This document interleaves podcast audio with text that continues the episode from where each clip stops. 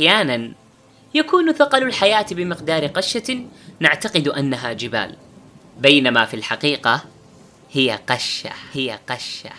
من خلال البودكاست ندرك حقيقة حجم الأمور في كل شيء. فاهلا وسهلا بك.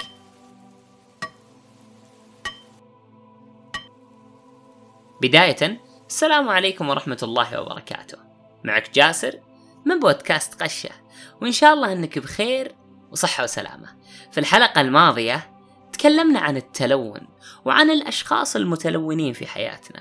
وإذا ما سمعتها أنصحك أنك تسمعها. ويسعدنا جدا أنك تشاركها من تحب من أصدقائك. أما اليوم راح نتكلم عن شيء مهم في حياتنا.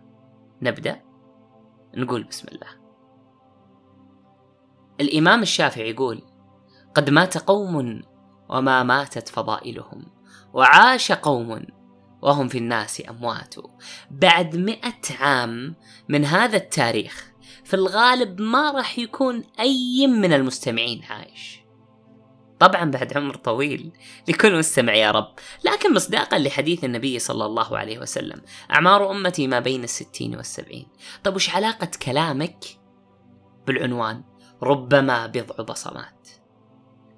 بصمات مفردها بصمة ومن مرادفات بصمة في اللغة العربية أثر. في حياتك اللي تعيشها الآن قد تكون صاحب أثر سيء أو جيد لكن الأثر هذا يختلف من شخص لشخص ومن منطقة لمنطقة ومن بيئة لبيئة ومن زمان لغيره.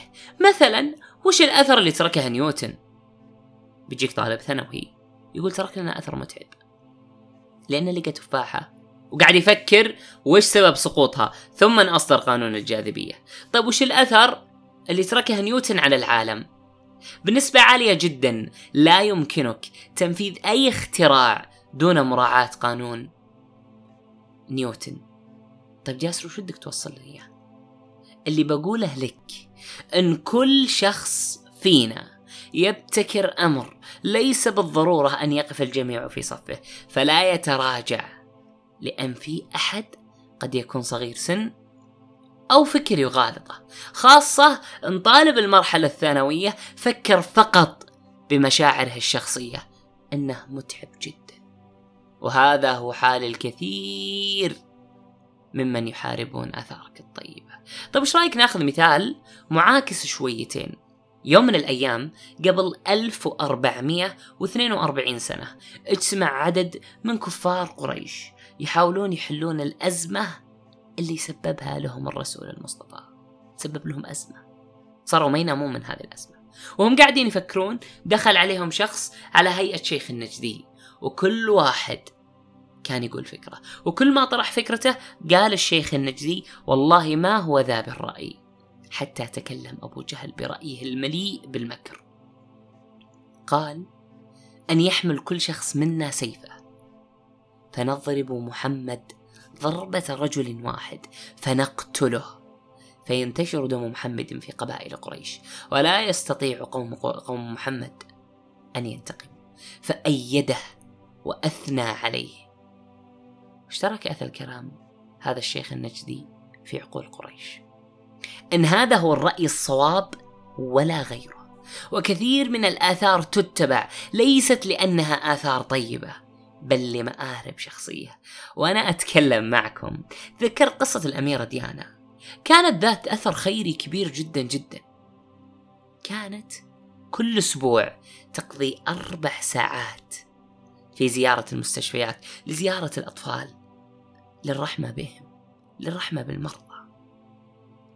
كان بعض من الأطفال تتحسن حالته إذا جت الأميرة ديانا لأن أعطته مشاعر العطف. وش الأثر اللي تركته لهم الأميرة ديانا؟ تحسن في الجسد وتحسن في الصحة النفسية. عموما الحلقة هذه طرحت مواضيع وقصص كثيرة لكن اللي لازم يوصلك بشكل دقيق وتفصيلي أن الأثر سهل تركه لكن كيف تترك أثر جيد وما يكون سيء وما يكون سلبي. خمس نصايح تساعد كل هذا الشيء. أول شيء عليك أن تصلح نيتك. وأن يكون عملك موافق لنيتك. ثاني شيء أن تعرف أشد المعرفة أن هذا العمل ممكن أنه يغير شخص للأفضل وممكن للأسوأ. يقول النبي صلى الله عليه وسلم رب كلمة لا تلقي لها بالا تهوي بك في النار. سبعين خريفا. ثالثا أن تضع نفسك مكان من يتلقى الأثر. رابعا تذكر أن التاريخ تذكر طارق بن زياد وتذكر أمية بن خلف وشتان من شهادة التاريخ لهما.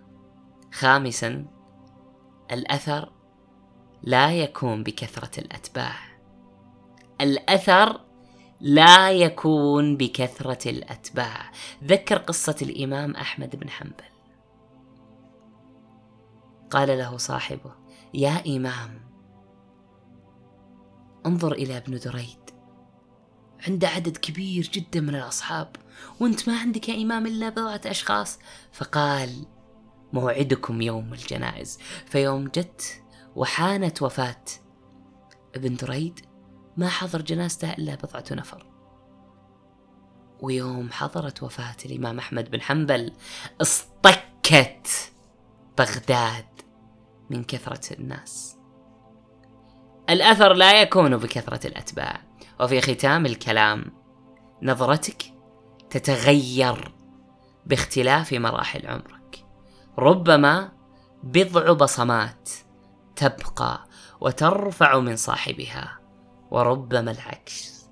وزي ما يقول عبد الله علوش على حسب ما مرني ومن تجارب الأولي وجهة نظر يجوز فيها الاختلاف والانقسام. كان معكم جاسر من بودكاست غشة. ونلتقيكم مرة أخرى بإذن الله.